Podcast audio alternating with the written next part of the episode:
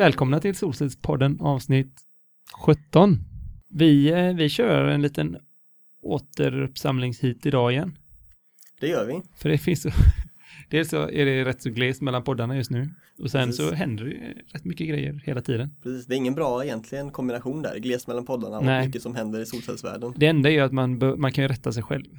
Att man behöver så här, om man tänkte prata om en viss grej och så ändras direktiven, tänker man, ah, ja, skönt att jag inte pratade om det förra gången då, för att, Precis, så sa man inget fel. nej, Nej, då är det mycket som ändras också. Det måste, Ja. Och mycket som är osäkert också. Det Ja. är mycket på grund av vår eh, politiska eh, fram och tillbaks svängande. ja. eh, Och det roliga är att det var exakt samma sak förra året. Jag tror när vi poddade vid denna tiden förra året var det också så här bara, oh, vad ska hända? Ja.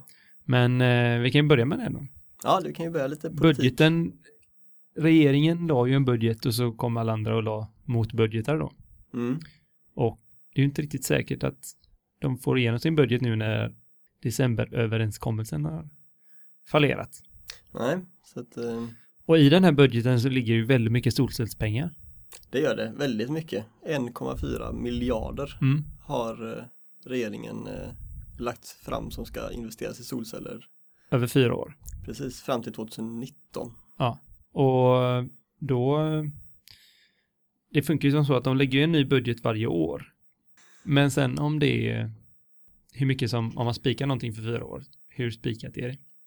Mm, det är frågan då. Ja. Och eh, som sagt, om det ruckas på det så. Sen så är ju inte så att eh, vad jag har förstått det som så är det ju inte något eh, ja, Moderaterna och kompani är ju inte så emot vad jag förstår det som heller att vi ska satsa på solceller. Men sen Nej. är det bara frågan om vilken grad det handlar om Mm. och om det är så att man vill lägga pengarna på annat än eh, 1,4 miljarder på solceller då.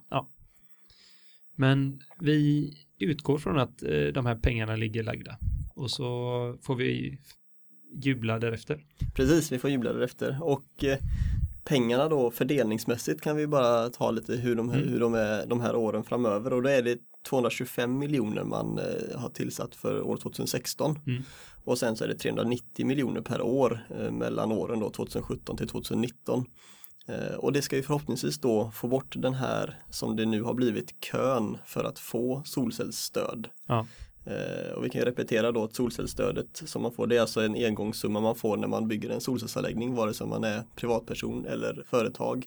Men är man privatperson så får man 20% av in- installationskostnaden och är du företag så får du 30% av installationskostnaden. Och eh, de här, eh, den här kön som vi pratar om, det går faktiskt, jag har hittat det nu, det går att se väldigt tydligt hur, hur lång kön är. Och Just det, det var en väldigt, väldigt intressant grej Mm. du hittade där. Energimyndigheten ger ut ett månadsbrev varje månad. Där man får specificerat exakt hur många som står i kö. Hur eh, många som har fått beviljat sitt, sitt bidrag. Och hur många som fått det utbetalt. Och eh, nu har jag inte siffrorna framför mig men det, i runda slängar så var det 9000 ansökningar. Och kanske 3 500 utbetalningar Hittills då alltså. hittills sedan de startade eh, investeringsstödet 2008 eller vad det var. Ja, intressant. Det blir väldigt, kan man också se då hur mycket pengar, alltså, Mm. alltså förutom antalet ansökningar så ser man hur mycket pengar det är som ska betalas, som har ansökts om att få betalas ut också. Eller? Ja, precis. Jajamän. Och man kan se vilken del av landet som, som har fått mest utbetalningar och så också. Ja just det, du visar någon karta där Mm. över något som man kunde se. Det var ju väldigt eh, snyggt. Det kommer också i här månadsbrevet då, och då visar det sig att Jönköping och Gotland är de länen som, som har fått mest pengar. Mm. Och det är troligtvis då Jönköping frågar jag faktiskt på Twitter, så här Jönköping Lands Twitterkonto. Jaha, jaha. eh, varför just de låg i topp. Och det, då sa de att det var för att de, de fick väldigt mycket ansökningar i början, eller Ja, när du får mycket, man fick lite större procent när man fick hög procentsats, precis. I början var det ju så här 70 procent Just det, så de var snabba och tänkte till där. Och Gotland har bara väldigt bra förutsättningar tror jag. Ja, just Alltså, det, det är mycket sol mycket sol enkelt, och, eh, Sverige.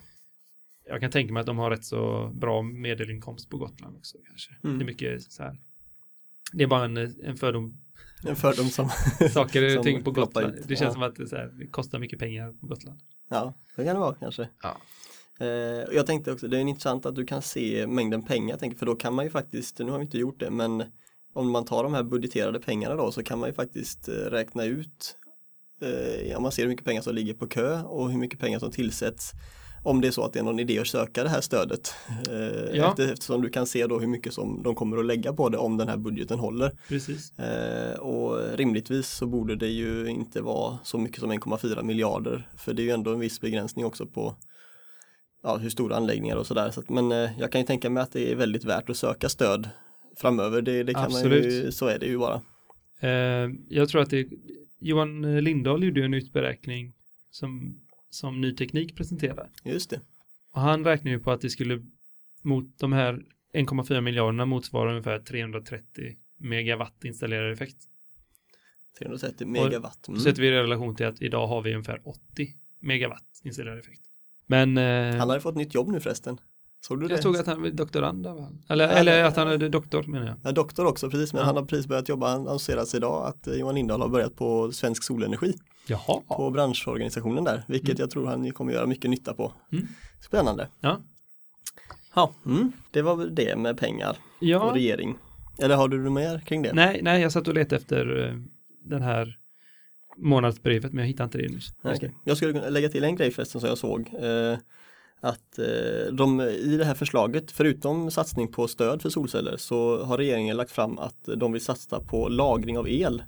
Eh, alltså möjlighet till lagring av el eh, med 25 miljoner kronor år 2016 och 50 miljoner kronor per år mellan 2017 och 2019 för att gynna satsningar på lagring av el. Mm. Det är intressant faktiskt. Eh, och sen så hade de även en satsning på att inrätta ett nationellt forum som de skrev då för smarta elnät för 10 miljoner per år från 2016 till 2019.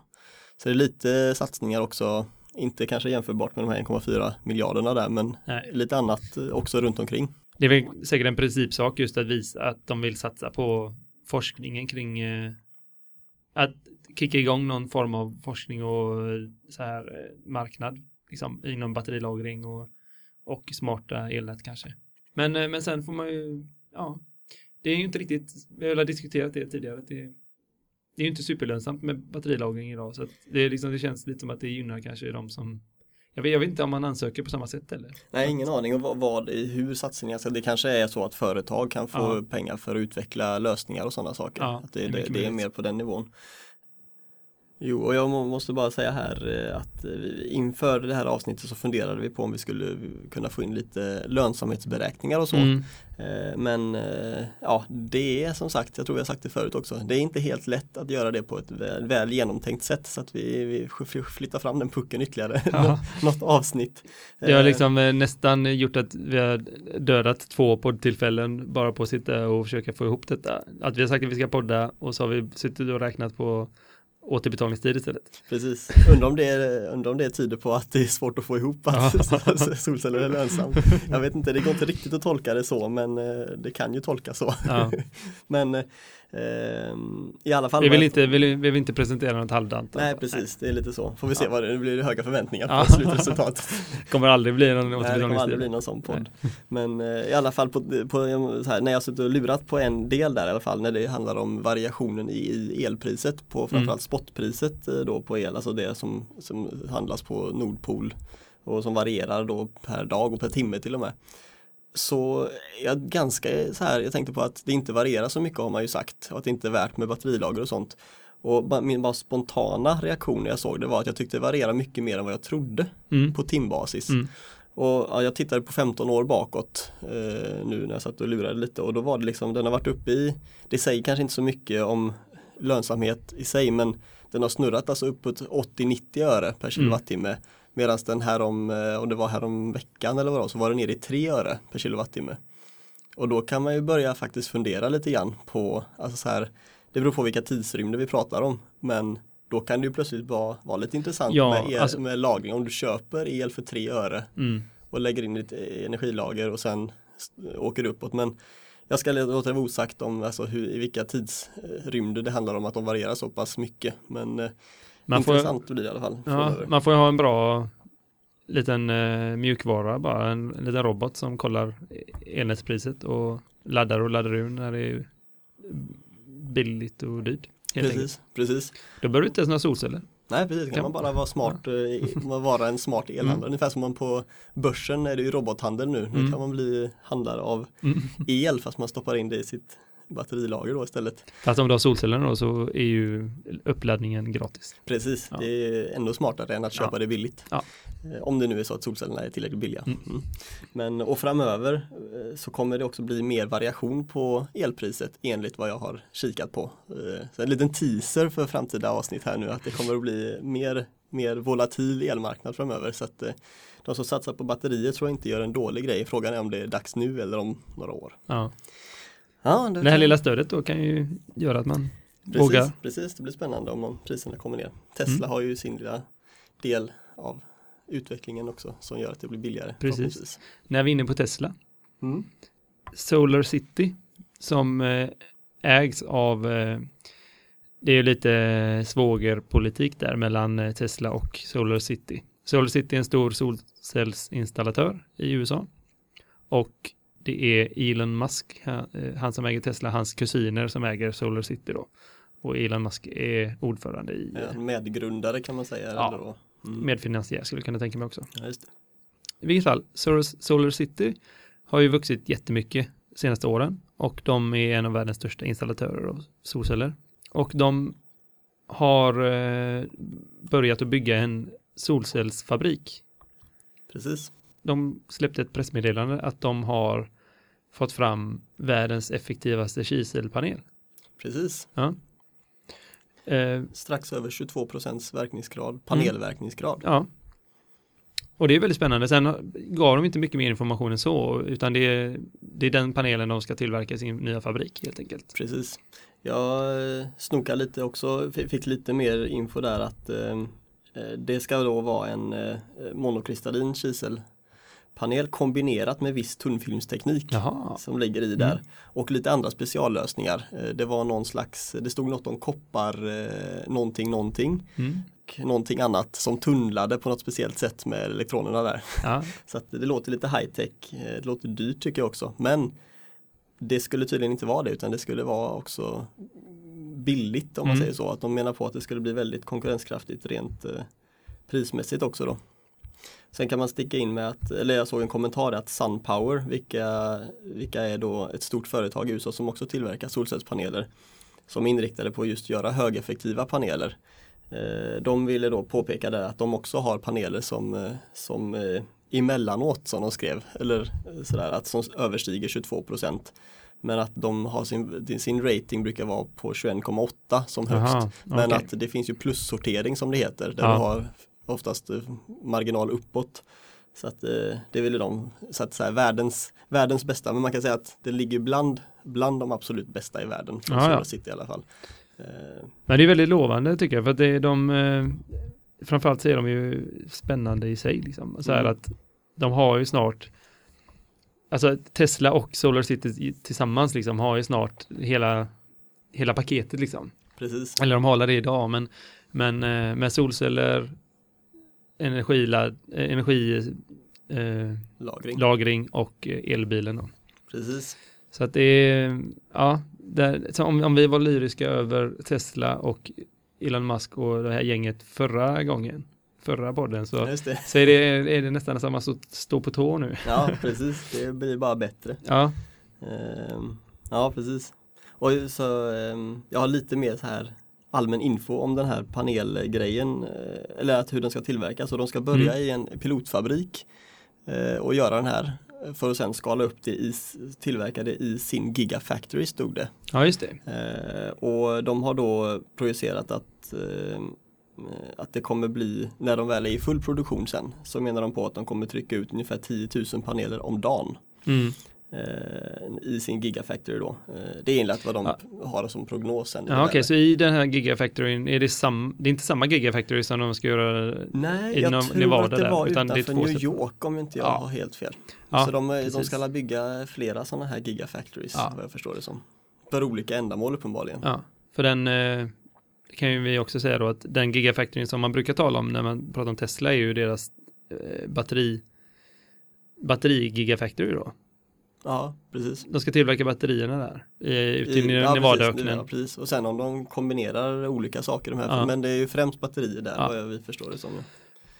Ehm, och sen så en extra grej med de här panelerna var att de skulle vara, alltså det här är ju då vad de har skrivit själva så att Mm. eh, hur mycket det här är så att säga, det är klart att man vill säga att de, är bra då om man annonserar själva men de ska tydligen vara lite extra bra i värme, alltså värmeprestandan så att du inte får lägre verkningsgrad i värme vilket kan ju vara väldigt väldigt eh, relevant i Ja. många delar av världen eh, för att man vill hålla upp verkningsgrader om du sätter upp det i Nevadaöknen till exempel så är det bra. Och sen kan ju det, då behöver man inte lägga mycket pengar och tid på att ventilera paneler och sånt heller. Precis. Eller det är klart, det är säkert bättre att göra det, men om det finns lösningar i till exempel Building Integrated PV, alltså när Precis. man sätter in panelerna i fasad och sånt, eller diktan fasad, eh, där du inte får lika bra ventilation liksom. Så kanske detta är en bra lösning. Mm. Jag har ju tittat lite på det här med, alltså jag har funderat lite på hur elnätet kommer se ut framöver. När man pratar solceller och förnybart så brukar man liksom få få svar, alltså så här få svaret att ja men hur ska vi, hur ska, vad ska vi göra när, när vi inte har, eller när vi stänger ner alla kärnkraft till exempel. Hur ska vi då kunna försörja ja, vårt land? Mm. Men så här, alltså må- många är oroliga för försörjning och sånt när man för in väldigt mycket förnybart. Och då läste jag en väldigt intressant rapport som vi, jag tror vi kan länka till den, den får vi lägga upp på hemsidan eller något, Mm. som handlade om eh, Energy Cloud, som Mhm. de kallar det då. Det här är en, inte en rapport som vi brukar läsa, vi brukar läsa väldigt tekniska rapporter. Det här var en mer filosofisk rapport. Jaha, det är också spännande. Ja, eh, det är lite en annan kategori rapporter än vad vi brukar läsa tror jag. Mm. För att det är inte mycket siffror utan mycket text då. Mm. Och mycket, de siar lite. Men det var eh, väldigt intressant i alla fall. Och då pratar de om, om eh, Vem har gjort den här rapporten förresten? det, får jag, det är osäker. Ja. Det står på rapporten. Vi hänvisar Vi till får, vi får hänvisa till detta i källhänvisning. Ja. Men i vilket fall, de pratar mycket om det här att, att i framtiden så kommer kanske inte elnätet liksom vara den här linjära strukturen som vi har idag. Att vi har en stor central producent och så massa utspridda konsumenter.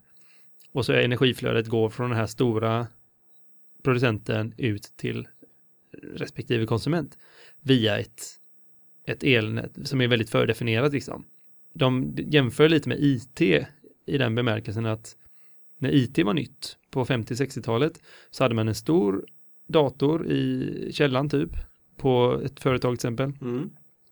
där respektive arbetsplats var kopplad till den här stordatorn då och så när arbetsplatsen eh, behövde beräkna någonting så skickade den en beställning på det till stordatorn som beräknade och skickade tillbaka siffror typ. Mm. Ehm, det här är ju, de, de här två parallellerna är ju inte svåra att se liksom. IT blev ju sen då lite mer smart över tid, att man kanske kunde göra vissa beräkningar på arbetsplatsen och inte kräva lika mycket prestanda från stordatorn så att säga. Men idag så är det ju liksom IT inblandat i allt och man, man har ju liksom serverkraften är ju inte bara central idag utan du har liksom, du kan göra din laptop till en server om du vill genom ett knapptryck. Och eh, man kommunicerar ju liksom mellan, mellan slutanvändare utan egentligen att behöva jättemycket kapacitet från den här centrala. Nej precis och du kan sprida ut den processorkraft som krävs på kanske användarnas eh, datorer och Ja. lite andra speciallösningar som liksom inte behöver gå via centrala enheter. Precis, och man kan samla, du kan samla processorkraft från, alltså du kan ju i stort sett sätta din, din dator på att tugga siffror och bidra på så sätt liksom. Mm. om man drar den parallellen till energisystemet idag så tro, tror jag, eller den här rapporten då, men jag tycker det låter väldigt vettigt att, att man i framtiden kommer liksom ha många, många, många producenter som kommunicerar med varandra och utbyter energi eller tjänster med varandra liksom istället för att gå via det här enkelriktiga eh, elnätet bort till en stor producent. Mm. Och på så sätt så blir ju elnätet väldigt flexibelt. Och när du har många sådana här in och ut signaler i ett system så blir det också väldigt väldigt stabilt, eller inte väldigt stabilt, men det, blir, eh, det är inte lika sårbart. Nej, för, För du att kan du- alltid hitta någon annan väg så att säga. Precis. Det var en väldigt intressant rapport i alla fall. Eh, och det är ju inte ofta som, sagt, som man läser så här lite mer, lite mer eh, filosofiska rapporter. Men, eh, men eh, de pratade då om Energy Cloud och det finns även något som kallas Internet of Energy tror jag det var. Ja, okej, istället för Som Internet är- of Things då som man brukar Precis. Eh, eller Internet of Electricity kanske, nå- något sånt. Eh, som är ett gammalt, eller lite äldre koncept då, som de har eh, refinat eller f- vad säger, förnyat då. Och ut, vidareutvecklat. höra. Mm. Eh, men vi, vi kan, eh, eller vi kan eh, referera till den rapporten Mm, mm. på hemsidan. Lite framtidsspåning, vad som händer och fötter. Ja, Ja, spännande. Mm. Och eh, du snackade där om förresten eh, vad man förväntar sig framöver och att kärnkraft ska stängas och så började du ja med lite där. det. Eh, och på det temat där så eh, nu läste jag på det här supermiljöbloggen här Mm. idag. Eh, och att det har varit en ganska turbulent när det här, jag kommer inte ihåg när de la ut det, det var några dagar sedan tror jag de la ut det här. Eh, att det har varit väldigt turbulent det senaste, vad som ska hända egentligen här med kärnkraften. Mm. Eh, Men de har ju nu tagit beslut här ganska ordentligt vad som faktiskt, att det kommer vara rätt mycket stängning framöver här nu. Ja, Eh, Oskarshamn 1 och 2 va? Precis, Oskarshamn 1 och 2 ja. Eh, jag ska se, O1 då, Oskarshamn Mm. 1 antar jag, stängas någon gång mellan 2017 och 2019. Eh, och sen så var det, vad sa du, Oskarshamn 2 också, sa du det? Ja, Ja just det, O2, ja, just det, O2 där ja. Den är stängd redan idag, eller den är inte uppe, men Nej, den ska inte starta igen Nej. helt enkelt. den har inte varit igång på ett tag. Så att, eh, nej, Precis. det är sant. Och sen eh, Ringhals var också beslutat nu att de ska stänga i förtid. Precis, Eh. eh, reaktor 2 där kommer stängas senast 2019 och reaktor har jag skrivit, men också reaktor 1 då antar jag, senast Ja. 2020. Precis. Och det kritikerna hävdar ju då att ja, men det är för att det lä- läggs massa extra avgifter på kärnkraften då, som, eh, som inte varit tidigare och att det är därför det blir dyrt. Eh, Medan faktiskt de som tar besluten, alltså i det här fallet då E.ON, Och Fortum väl? ja, Eller? Osäker? Ja. eh, Vattenfall var nog inblandat i något där. ja. Ja. ja. Det var eftersom de, eh, ja Vattenfall tog ju beslut om Ringhals. Det har varit, det varit lite så här, de är delägare, de olika eh, kraftbolagen är ju delägare och så har det varit några fula tricks däremellan i, i eh, beslutsfattandet för att till exempel då E.ON inte ville stänga ner För att de ägde en större del va? Eller något av, liknande. jag tror det var, ja, av Oskarshamn tror jag det var. Det. Eh, men då beslutade istället, om det var Vattenfall, att istället för att lägga ner så bestämmer vi oss för att vi inte skjuter till några pengar för att Precis. förnya. Det känner jag. Jag trodde att det var Fortum men jag kan också ha fel. Ja. någon, någon var det som sa så. Eller? Ja, så att eh, det är liksom, ja, men i vilket fall så, så ser man ju, nu har vi en väldigt klar horisont i alla fall. Vi vet vad som kommer hända. Precis. Och det är inom väldigt, rätt så kort tid också. Alltså 2020 är de här flesta, i alla fall fram till 2030 så vet vi att vi kommer ha väldigt lite kärnkraft. Precis. Eh, om det inte byggs ut ny då. Men alla är ju medvetna om att ny kärnkraft är väldigt dyrt. Mm.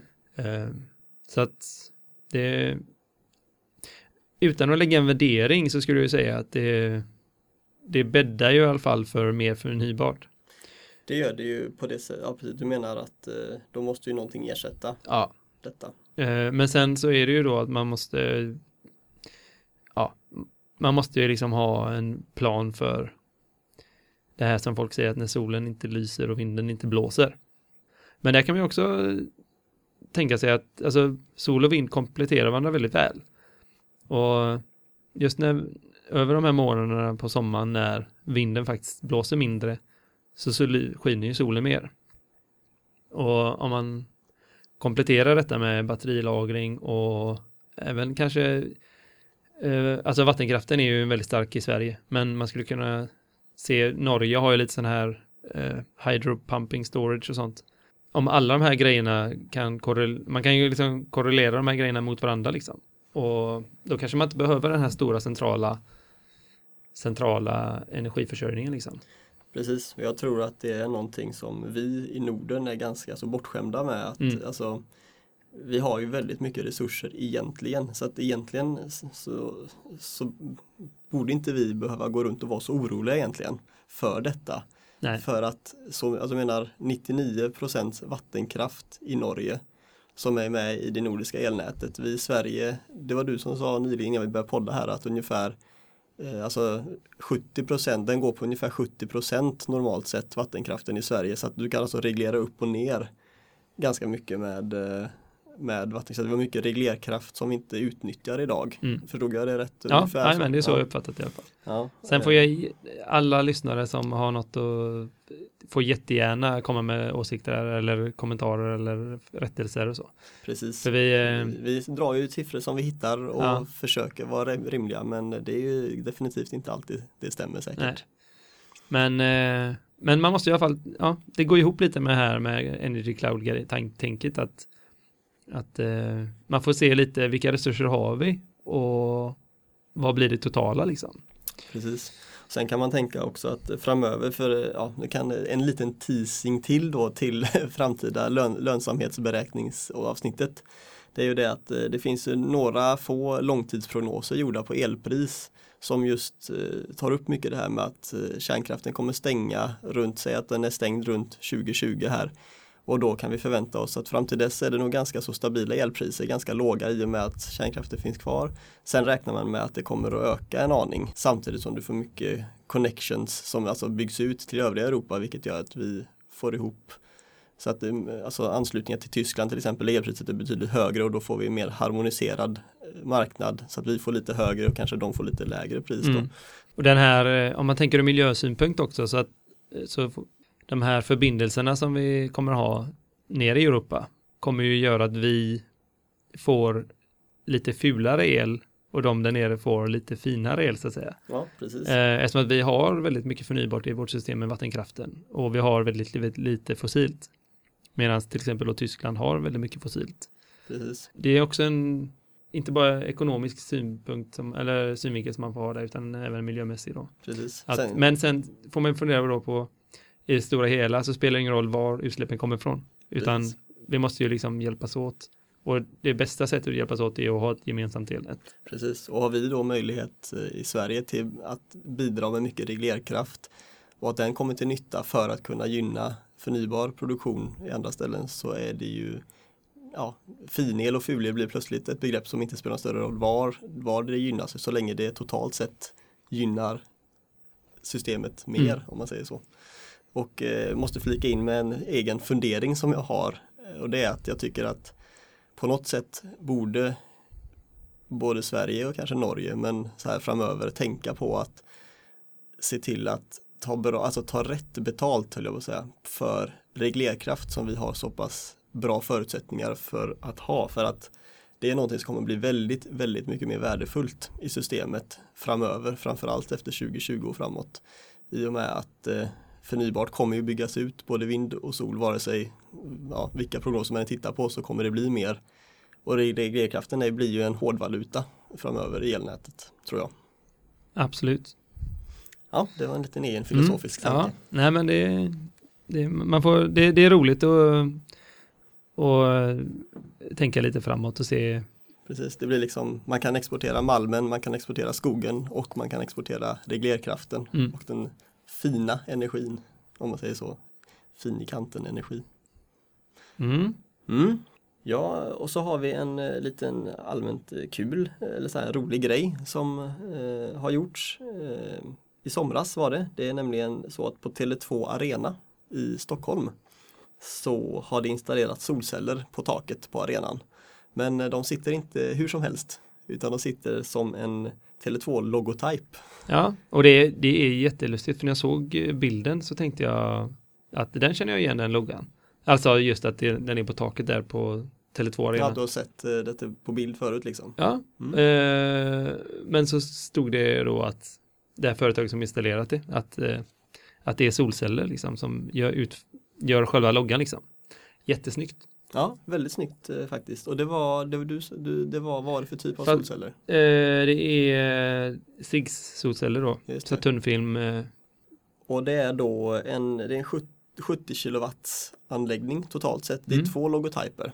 eh, en på varje sida, Mm. så som jag förstod det som. Eh, och användningen då som de själva går ut med är att eh, de ska vara då kopplade till ett gäng eh, laddstationer för laddning av telefoner, inte av bilar som man kanske trodde utan Jaha. man vill ska ladda telefonen inne på arenan när det är väldigt mycket folk och sådär så vill ju folk oftast oftast då batteriet slut har de uppenbarligen eh, känt att deras besökare har problem med detta när de är på arenan så då vill de kunna ladda eh, så att man kan ladda telefonerna i olika laddbås då liksom runt om på arenan. Känns som att det ändå är rätt överdimensionerat för telefonladdning. Det Eller? kan man tycka och sen kan man fundera på om det faktiskt är så att det är kopplat till de här eh, till de här eh, båsen på riktigt. Eh, Det Nej. stod det men alltså så här det lär väl, det kommer ju inte alltid vara folk där som behöver ladda sina telefoner så att det är väl till elnätet i arenan som Ja. går till dit, det- elen går ju dit det, det, det går helt enkelt. Ullevi, när, Ullevi har ju stor solcellsanläggning också.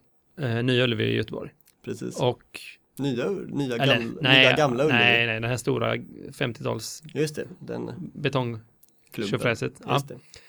Och den, eh, där hade de ju eh, som mål när de installerade den att, att eh, ha sloganen att solen lyser alltid på Ullevi. Att när det är mörkt så ska de, de, de ska ha lika mycket solceller som skulle kunna för, försörja belysningen då, Det, Över- över året. ja, över året.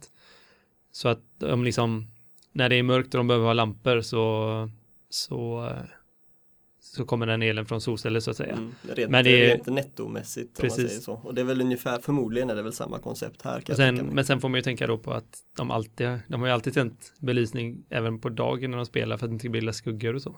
Ja, okej. det är sådana saker. ja. Det är frågan. Men, men de, har lite, de, de vill titta på vad de här pylonerna, vad, de drar liksom. Mm. mm. Ja, okej. Så att det, man, man får, liksom, det är ju marknadsföring liksom. Precis, mm. det är exakt vad det är och det är, man, det är ju en intressant grej för det blir ju en grön stämpel på företaget eh, bokstavligt talat Mm. verkligen med en logotyp på det här sättet. Eh, och sen så att man kan då kanske, jag tänker att det är en bra grej för alltså, om det står så att det är solcellsel som de laddar med inne på arenan så kanske det öppnar upp ögonen för folk för solel sådär. Ja, Så det är en eh, bra grej för solceller också egentligen så att eh, det är plus i kanten här för Mm. Tele2 tycker jag. tycker jag med. Ja, så jag har en sista Mm. nyhet Mm. eh, sådär. Och det är också det är några som går i bräschen lite här. Det är nämligen Willys, den matvarukedjan som har, de har ju 190 butiker runt om i Sverige. Och de har börjat sätta solceller på taken för de ser det som en u- outnyttjad resurs. Eh, och eh, de har satt solceller hittills då på två testbutiker, eh, en i Huddinge och en i Göteborg. Eh, och det som de såg som en stor fördel då med solceller var att de har ju deras elbehov är ju som störst med alla deras frysar och kyl och sånt. Framförallt på sommaren då och framförallt när det, solen lyser som mest.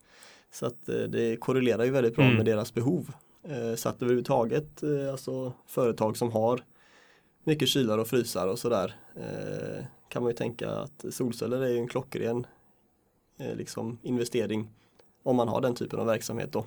Och det var så de resonerade och de är väldigt nöjda än så länge med sina installationer och de menar då på att de, vill, de kommer kapa sina kostnader för el och göra en insats för miljön då. Eh, stod i deras pressmeddelande.